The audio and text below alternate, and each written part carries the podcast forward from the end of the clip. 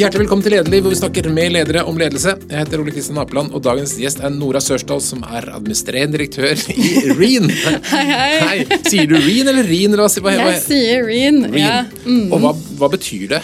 Reen betyr egentlig flere små ting som sildrer sammen til én stor ting.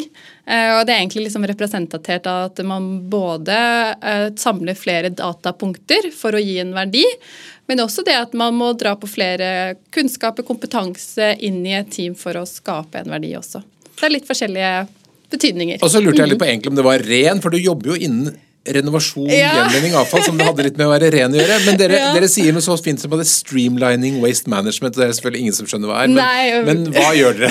Ja, vi er veldig internasjonale i Larvik, vet du. Så vi, men vi er rett og slett en teknologileverandør som jobber med å effektivisere avfallshåndteringen. Og det gjør vi gjennom å bruke en, egentlig en IOT-løsning og en software-løsning. Eh, og vi kombinerer da det vi kaller datafangere, altså hardwaren vår, eh, med, med softwaren vår, som da gir en verdi til våre kunder og samarbeidspartnere. Og dette er små sensorer som sitter i søppelcontainer, annet. Helt riktig. Så, så det er effektivisering av avfallshåndtering er jo ganske sånn Det er jo en stor misjon, egentlig. For hva innebærer det? Men det vi gjør, er jo egentlig, hvis vi koker det ned, å hente ved behov. Rett og slett. Mm. Og gjøre det på smartest mulig måte. Eh, Og da gjør man alt det fra å ha disse duppedittene i avfallsbeholdere, eh, som sier når det er fullt, og så er det egentlig eh, softwaren vår som faktisk er den smarte delen her, som får frem da når er det smartest, når er det mest lønnsomt, når er det mest bærekraftig. Så dere kan sørge for at søppelcontainer eller, eller søppeltingen tømmes på riktig tidspunkt. Men, men Ja. er det et stort problem at det tømmes for tidlig eller for seint? Ja, faktisk overraskende. Eh, Jeg tror at det, det er en eh, Avfallsbransjen har jo et litt sånn rykte på seg for å være litt sånn gam, altså tungrodde og litt mer sånn eldre i, kanskje i arbeidsmetodikken deres, eller i hvert fall tidligere var. Og så er det ufattelig mye kremmerskap og innovasjon i bransjen også. Um, og eh, der har det jo vært en, sånn, en, en tradisjon ved at man henter basert på en kalender, og det er på en måte eh, det smarteste. da. Og der har det vært en sånn redsel, tror jeg, spesielt på at man skal uh, ikke få hente tidsstokk. Eh, Ja, for det, fordi- ingen vil jo ha fulle søppelcontainer. Ingen vil jo ha forsøpling, Nei, nei, ikke sant? Og det er vel det som egentlig det koker ned til at eh, vi vil ikke ha forsøpling, vi vil ikke ha klager på dette. Og der kommer RIN inn i bildet. Så, så i Newcastle for eksempel, så i sentrum så er det 1250 sånne sorte avfallsbeholdere, og alle de har teknologi fra Larvik. Kult. Og Det gjør jo at man både effektiviserer måten man henter på, mindre ressurser bruker man, de har gått ned 50% i ressursbruk, og også vesentlig da i klimagassutslippet. Og Det er det som er clouet vårt også, at vi mener at hvis du er mer lønnsom, så blir du konsekvent mer bærekraftig. Fordi liksom at the end of the day så er det egentlig færre biler på veiene som gir den eh, mest bærekraftige løsningen. Og helt konkret så er dette altså små ting. Det er små ting, ja. Hvor store er de? Eh, De er vel eh, alt fra hva skal jeg si, et par centimeter i bredde til litt grann større igjen. Um, Med et lite batteri? med et lite batteri, ja, men det har en eh, enorm uh, levetid. Eh, og jeg sier det fordi at i batteriverdenen så er det det. Det er ti år uh, levetid. Ja, det er lenge. Det er lenge. Og, og vi er jo en av de få aktørene som faktisk kan si at det stemmer at det er sant. Det er ikke noe vi bare har testet i en lab eller teoretisk. Vi har faktisk hatt det ute på markedet i Så den år. lille sensoren sitter da, der i, i containeren i Ja. ti år og sender noen signaler ut på internett om at nå er det Yes. tomt eller fullt. Helt riktig. Helt riktig. Og så sier det da tomt eller fullt, og så kommer det masse ekstra funksjonaliteter på det. Eh, hvor er det jeg står hen? Eh, hva er tilstanden min? Hvordan ser jeg ut? Eh, hva, hva slags temperatur er det i beholderen nå? Er det fare for brann, f.eks.? Eh, og, og andre forskjellige funksjonaliteter som vi legger på det. Mm. Så dette er IOT i praksis. IOT i praksis. Veldig ja. gøy. Men hvordan fant man på det? Jeg tror at det Altså smart waste management, jeg tror det å jobbe smart jeg er litt sånn naturlig del av videreutvikling av liksom operativt arbeid. Eh, og så har man kanskje gjort det mer manuelt, ikke sant. Og så har det gått videre til at man finner en automatikk i det, egentlig. Så jeg tror det er litt sånn med mange andre bransjer, om det er regnskap eller hva enn det er, at det er på en måte en naturlig del av videreutvikling av en, av en bransje. Mm. Og du kom inn i dette gjennom eh, Norsk Gjenvinning? Ja, Riktig. som ja. er også med medeier. ja, de er hovedaksjonæren vår, eller majoritetsaksjonæren vår. Mm. Og Hvordan ser selskapet ut i dag? Hvor mange er dere, hva gjør dere? Så, så i dag eh, Så det har jo gått rimelig fort. Vi var vel eh, ingen ansatte, eller én ansatt i 2019, med en kunde som var Norsk Gjenvinning, med 3000 abonnementer. Og så har det økt til en portefølje på 60 000 abonnementer og 40 ansatte. Wow. Så, så det har gått fort. Og så, og så har vi fått litt drahjelp eh, av at vi har gjort et oppkjøp. Eh, men, men det var best pga. teknologien. Eh, ved å være sikre på at vi leverer det beste tilbudet til kundene våre. Og hva gjør disse 40? Som sikkert er Ja. 60, 60 i morgen og 80 år i Ja, morgen ikke osv. Ja. Nettopp. Godt spørsmål. så, så veldig stor del av organisasjonen vår er jo innenfor teknologiavdelingen. Mm. Så vi har jo veldig mange utviklere. Det er jo nesten 50% av organisasjonen vår. Og det har vært kjempeviktig, fordi det er jo teknologien som legger fundamentet og forutsetningen for at man kan ha en kommersiell vekst. Eh, Så, så der har vi gjort mye investeringer, både i form av det at vi er sikre på at vi er en aktør som leverer en software og et grensesnitt som er enkelt, intuitivt og, og fungerer raskt i den operative hverdagen for sjåfører osv. Det er jo ikke nødvendigvis eh, en forventning at alle er like eh, tekniske, ikke sant? Og så er det også det at det skal være sikkert at det er skalerbart og håndterer all den trafikken. Og i, og i liksom tråd eller takt med det, eh, så, så har vi da fått også flere som er eh, på salg. Og det er de to avdelingene vi fokuserer mye av tiden på. Og det er litt sånn som en startup. Du må jo hele tiden vekte hva du kan prioritere. Eh, Og for oss så er det de to avdelingene vi prioriterer og som vi bruker mest av ressursene våre på. Lager dere sensor i Norge òg? Ja, det gjør vi. Så vår samarbeidspartner på produksjon er Kitron i Arendal. Eh, Og så produserer vi også i, gjennom Kitron i, i, på produksjonsanlegget deres i Polen. Kult. Mm. Men eh, det er alltid sånn altså, Man tenker dere har et fint produkt, og så sier du man masse IT-utvikling. Må, må man utvikle hele tiden? Kan ikke bare si nå har vi Ja. det, nå, nå er vi ferdige. Nå er Nå det er vi ferdig! Å, jeg kunne ønske det. det hadde vært veldig deilig for uh, lommeboken min. Ja, det funker i si. uka, Asken. Der kan det sikkert funke her òg.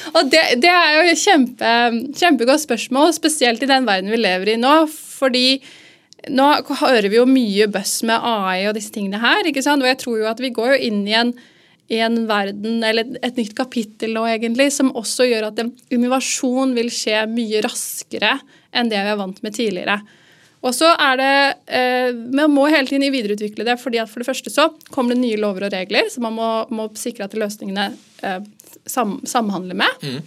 Og så er det jo også det at man hele tiden skal prøve å finne hvordan man også kan gjøre det mer lønnsomt. Og det er en videreutvikling i seg selv også. Jeg tror man tenker at R&D alltid skal være at man skal ha en ny funksjonalitet, men noen ganger så handler det også om å gjøre det mer lønnsomt og um, ja, en, en rimeligere hardware uten at det går på bekostning av kvaliteten.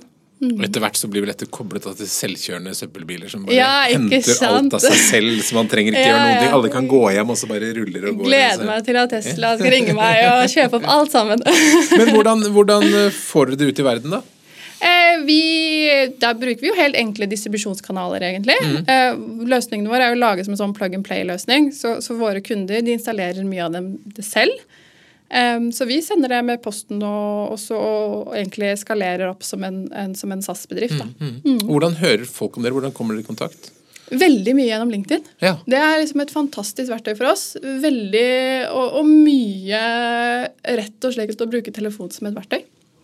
Så det er litt sånn god gammel eh, Så god dag og dag ringer fra Norge og har en sensor, og så, Ja. og så syns folk det er kult? Ja, det har faktisk blitt litt grann sånn, og det tror jeg har en sammenheng med at de, folk har begynt å høre om oss gjennom LinkedIn og andre kanaler. Um, og så er jo den beste salgskanalen, hvis, jeg, hvis vi skal si det, med i forhold til å høre om oss, da, det er jo word of mouth gjennom um, kunder av våre kunder igjen, egentlig. Uh, og der, i tråd med at vi har fått en større og større portefølje, så skjer jo det også. Mhm. Men mm, jeg antar at mange av de som driver i den avfallssektoren er offentlige virksomheter. Er det da mye sånn anbud og kvalifiseringer og tunge løp? Ja, det har kommet mer av det i det siste. Men uh, i og med at uh, man ikke alltid har tenkt Smart Waste Management, så, så, så er det vært få anbud sånn tradisjonelt. Em, så, så der handler det om måte å komme inn i en god relasjon. Finne ut av hva er behovet eh, og situasjonen egentlig i den offentlige sektoren. Og også eh, motivere den til å legge ut et anbud, faktisk. Um, men også, også er det jo en del av å være eh, kanskje en, en, part i en endringskultur, da, med den løsningen vår, så er det jo noe med å på en måte gå stegvis inn i en, et, det offentlige segmentet òg, da. Mm -hmm. Mange startups tror jo at de har en helt fantastisk unik idé, så etter en stund tenker man så filler'n det var mange andre som har tenkt på det samme. Ja. hvor, hvor, mange er det som er i dette markedet? Uh, ja, ikke sant. Og det det er jo kjempemange, egentlig. Mm. Og uh, jeg kunne jo nå ha sittet og sagt her at å nei, det er bare rin og ikke sant. Men det er jo ikke det. Uh, og det er jo et veldig kjent fenomen også i Europa sådan, spesielt liksom innenfor EU-land. Men, men, det har ikke helt liksom kommet til Norge ennå. Det er forskjellige årsaker. Men, men, i selve Norge så er det ikke så mange, nei. Men hvordan skal dere ta rotta på konkurrenten og erobre verden?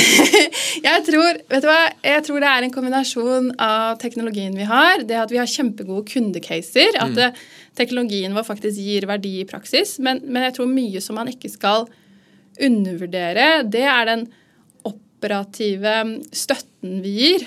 Uh, for, for, det er ikke bare på en måte også sendt ut, og så snakkes uh, aldri. Men, men, det er noe med å ha en lokal um, Hva skal jeg si Det er en, en lokal um, følelse med et globalt fotavtrykk, da, mm. egentlig. Fordi at vi leverer jo tjenestene våre til UK, Benelux, uh, også andre steder i Norden. Men at du får den lokale følelsen med oppfølgingen, egentlig. Mm -hmm. Og Hvilken del av virksomheten er det du har mest hjerte for? Åh, uh, det er et godt spørsmål. Uh, Vet du hva, Jeg syns jo det er kjempegøy å se når liksom det går når vi blir bedre og bedre på å jobbe hva skal jeg si, syn, liksom i en synergi, da, uh, og når jeg ser at verdikjeden i RIN går mer og mer sømløst, det gir meg skikkelig glede og syns er supermotiverende. Mm. Um, og, det, og, jeg, og, jeg, tror jeg også blir veldig motivert når jeg ser at man får da en større forståelse av verdikjeden i de forskjellige avdelingene. Og det jeg mener med det, er at det, salg skjønner at det, det er ikke bare å si til en kunde at ja, men det fikser vi for deg. Vi skjønner at det er en prosess bak det, og noen ganger så må du selge det du har. Eh, og hvis ikke du får til det, så må vi kanskje trene mer på det. Men også at teknologi skjønner at OK, men nå må, må, nå, jeg, nå må jeg også tenke pris, volum og porteføljestabilitet ja, det er alles ansvar, uavhengig av hvilken avdeling du er i. Det syns mm. jeg er innmari gøy. Mm. Har du teknisk bakgrunn selv?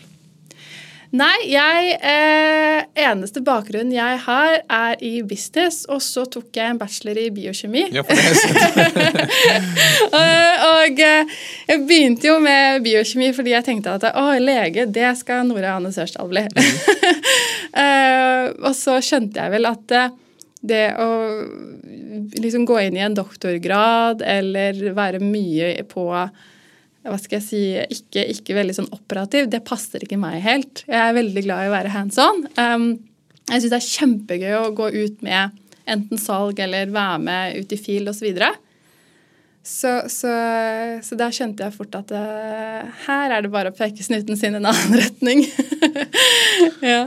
Og så, uh, etter da uh, biokjemi og business, så kom du til Norsk Gjenvinning. Og der, du var veldig rask karriere der, inntrykk Du startet som junioranalytiker, og vips, ja. så var det head of logistics. Hva var det du gjorde for å liksom, stige i graden så raskt? Jeg tror Det var en kjempespennende spennende opplevelse, fordi at det bare, veldig... bare, du var der bare et par år? hadde en ja, ja, ja, absolutt. Og, og, jeg var jo kjempeheldig å begynne som en junioranalytiker og gjøre det ved siden av å skrive masteren min.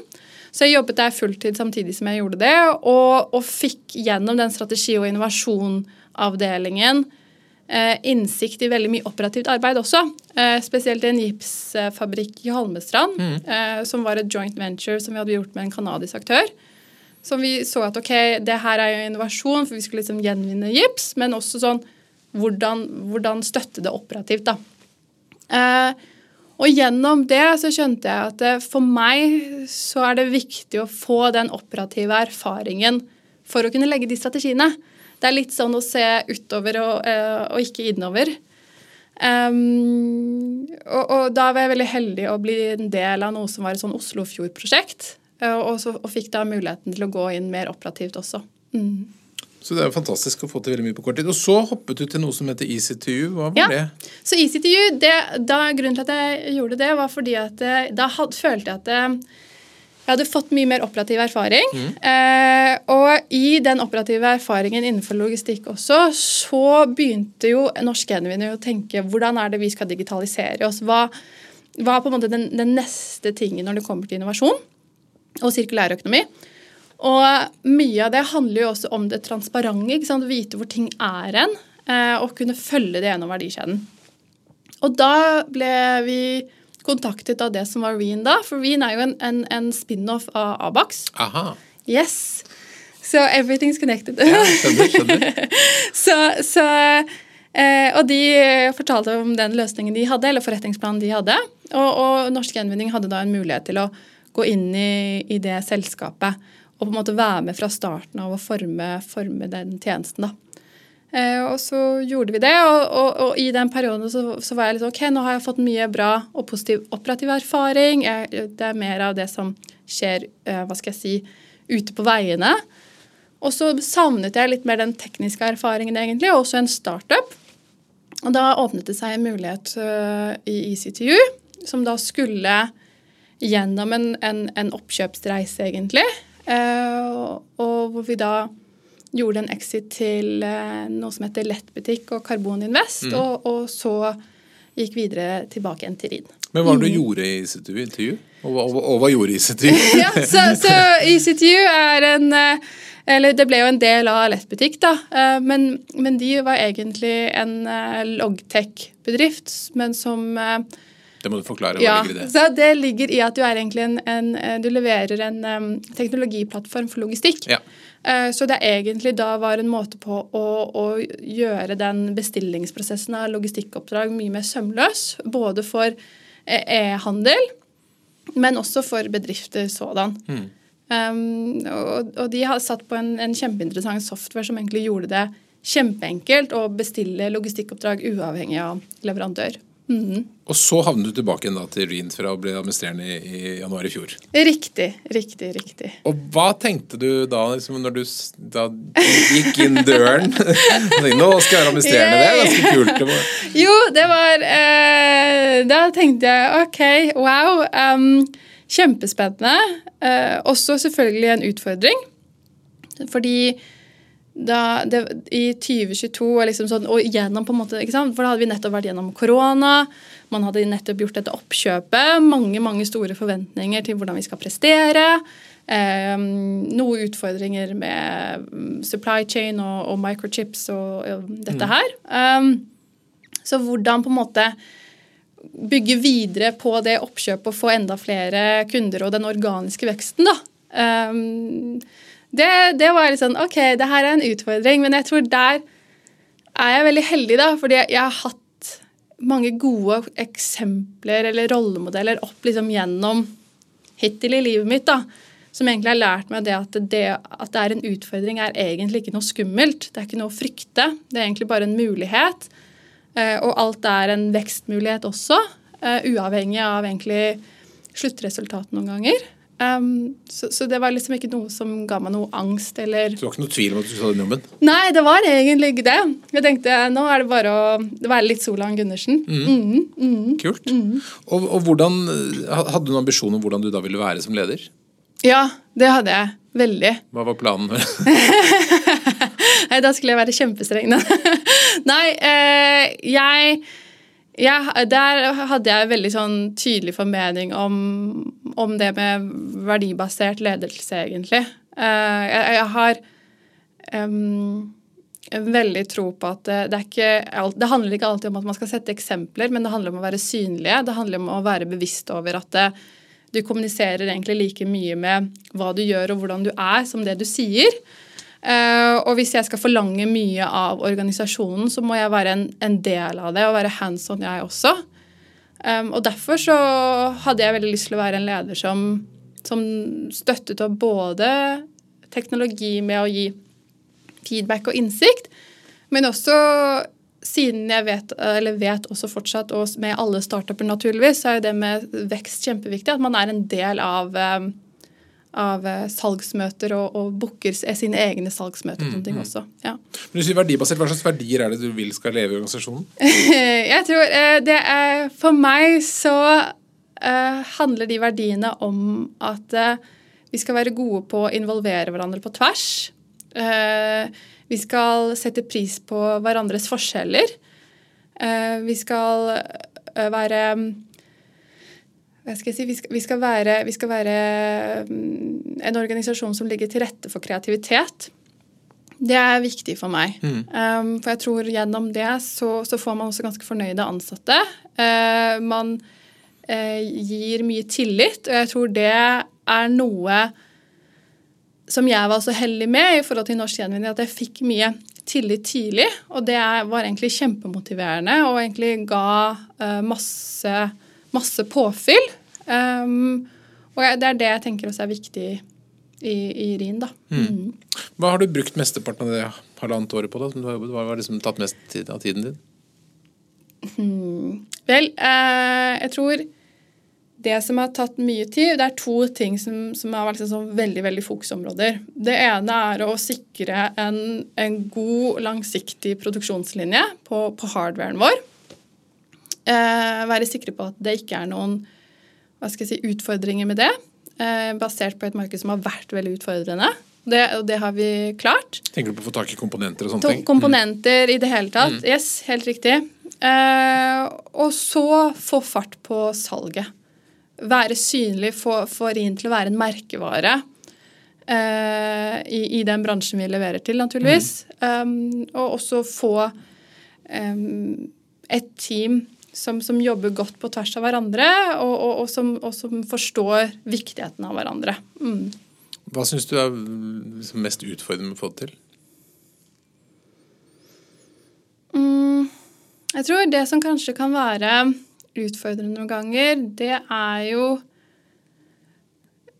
å ikke gjøre antakelser. For jeg tror Noen ganger så ser man det veldig gjennom sine egne øyne og sin egen personlighet, og ikke minst sin egen kapasitet. Og, og, den er ikke nødvendigvis lik.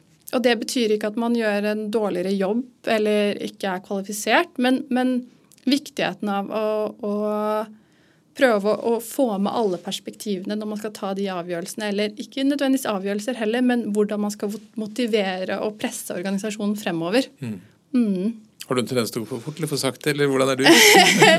jeg tror jeg har en tendens til å være litt sånn rappetass, så jeg skal gå veldig fort frem. Eh, for jeg syns jo fart og spenning er kjempegøy.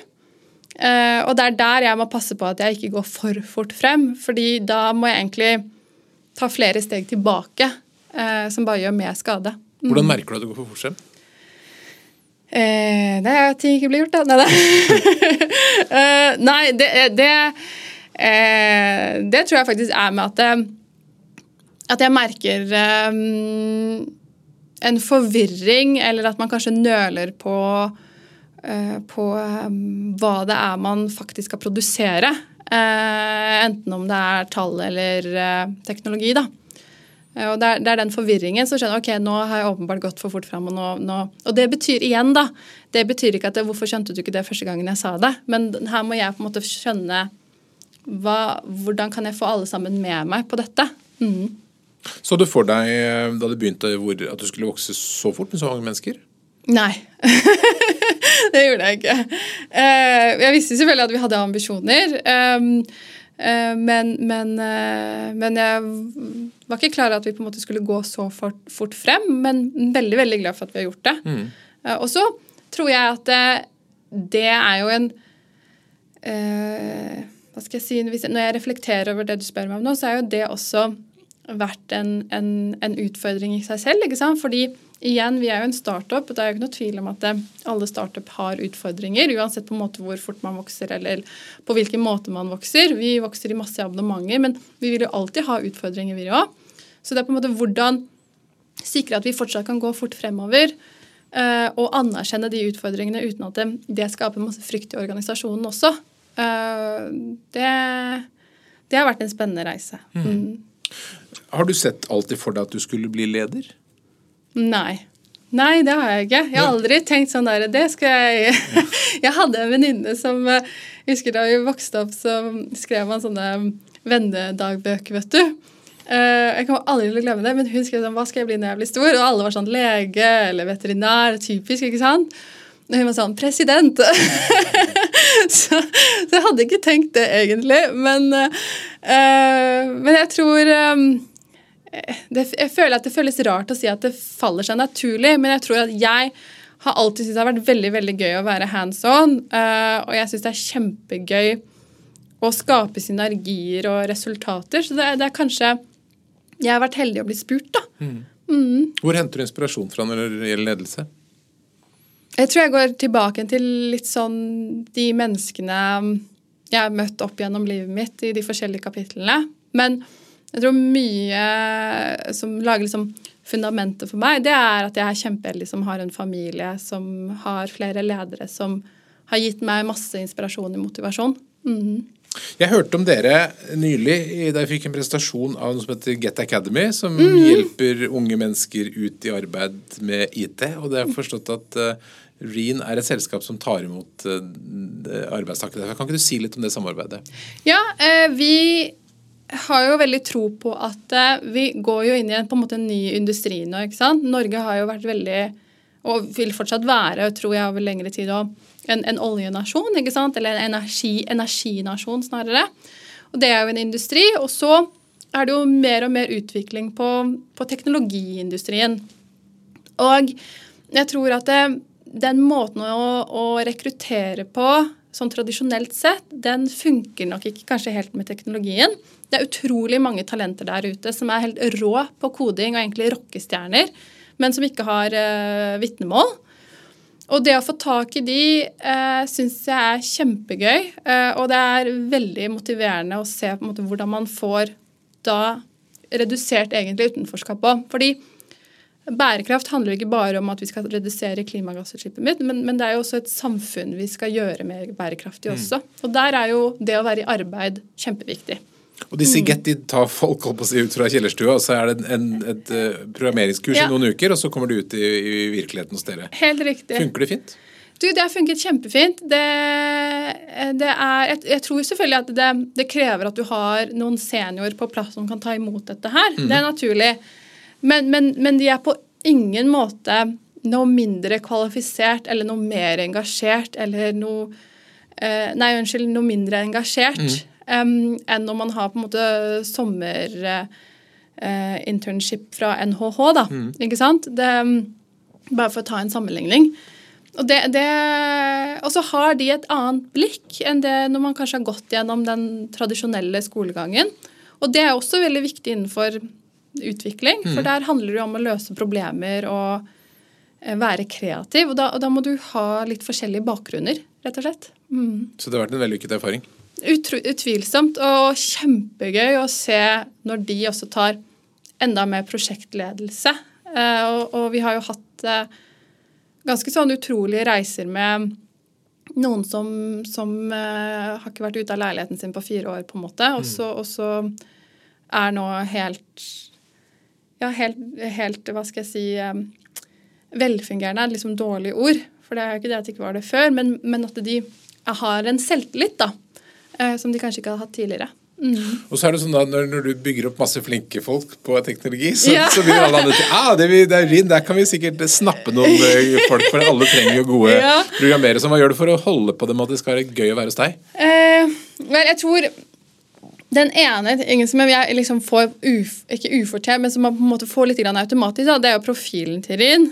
Jeg tror Vi er veldig unike på det at uh, du faktisk kommer Du kan komme på jobb hver dag i RIN og føle at du gjør en forskjell. da, mm. uh, Med alle disse um, titlene vi ser i aviser osv. Um, det er det, og, så er det jo hele tiden det å gi dem den tilliten og ansvaret som gjør at du kan hele tiden utvikle deg selv. Og så har vi jo masse personlige utviklingsprogrammer. Vi, vi, gjør, vi, vi er heldige som kan dra på nettverket både i Norsk Gjenvinning og i Abax og ha en videreutvikling av talent da, gjennom, gjennom de, de, samarbeidene der. Mm. Mm. Når du har bygd opp organisasjonen, og hva, bortsett fra da selv at man skal kunne noe, noe, fag, hvilke egenskaper er det du har sett etter og ser etter hos uh, nye medarbeidere?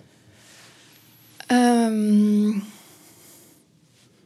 uh, jeg tror jeg, jeg, ser veldig mye etter personligheter, altså dure, eh, og som er løsningsorienterte uten å være naive. Og, og vi, vi, snakket om Get nå, men vi har jo også rekruttert type utenforskap utenfor Get, også innenfor mm. mer andre deler av avdelingen. Og, og, det som går igjen, det er at de alle har den samme tilnærmingen til noe nytt og en utfordring. At dette her er noe spennende som jeg kan videreutvikle meg med, ikke noe som kan gi meg en begrensning ved, eller ved, vise, ved at jeg viser at jeg ikke kan noe. Ja. Mm.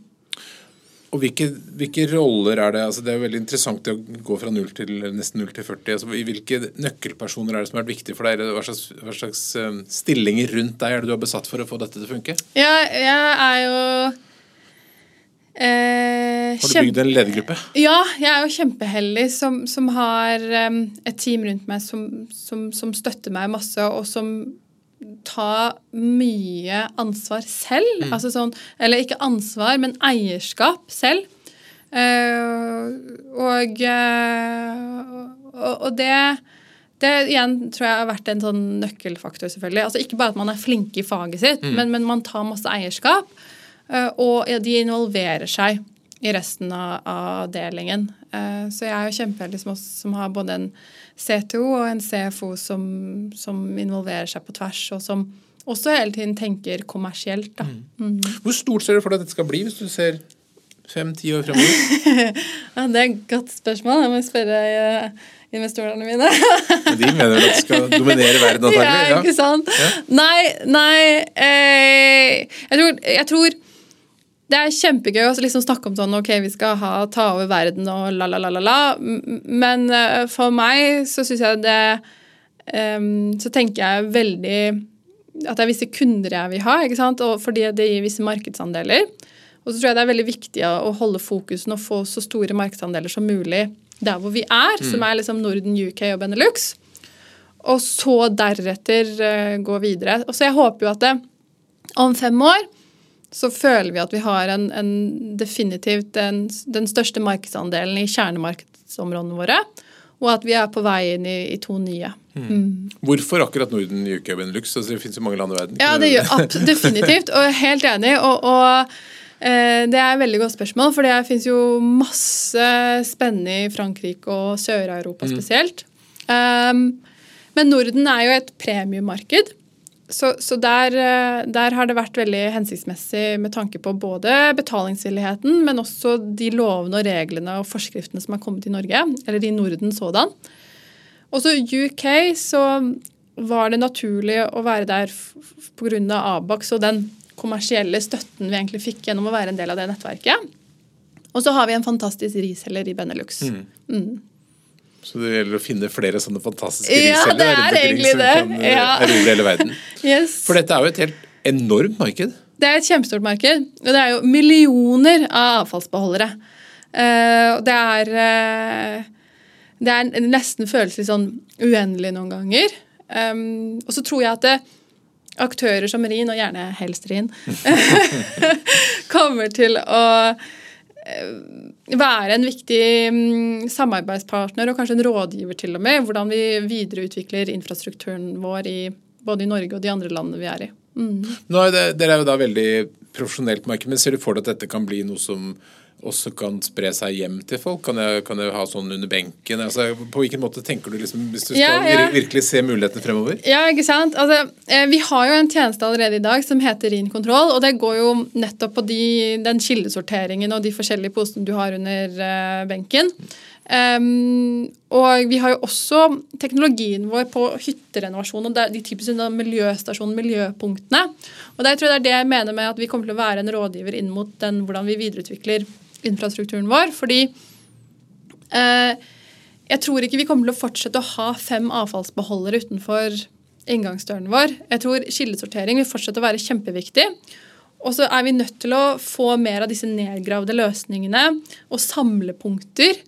Uh, hvor man har en PSU Throw-løsning, du har en tilgangsstyring. PSU Throw, må du ja, hva mener du det? Ja, så PSU Throw, det jeg vil egentlig si deg, istedenfor at du har et fast månedsabonnement, mm så, så, betaler du ettersom hvor mye du kaster, mm. og hva du kaster. Og der har RIN en løsning i dag. Eh, som vi har eh, Slik at det blir billigere hvis du er flink til å sortere? Helt riktig. Yes. Eh, og der, eh, den tjenesten lanserte vi i mars i år.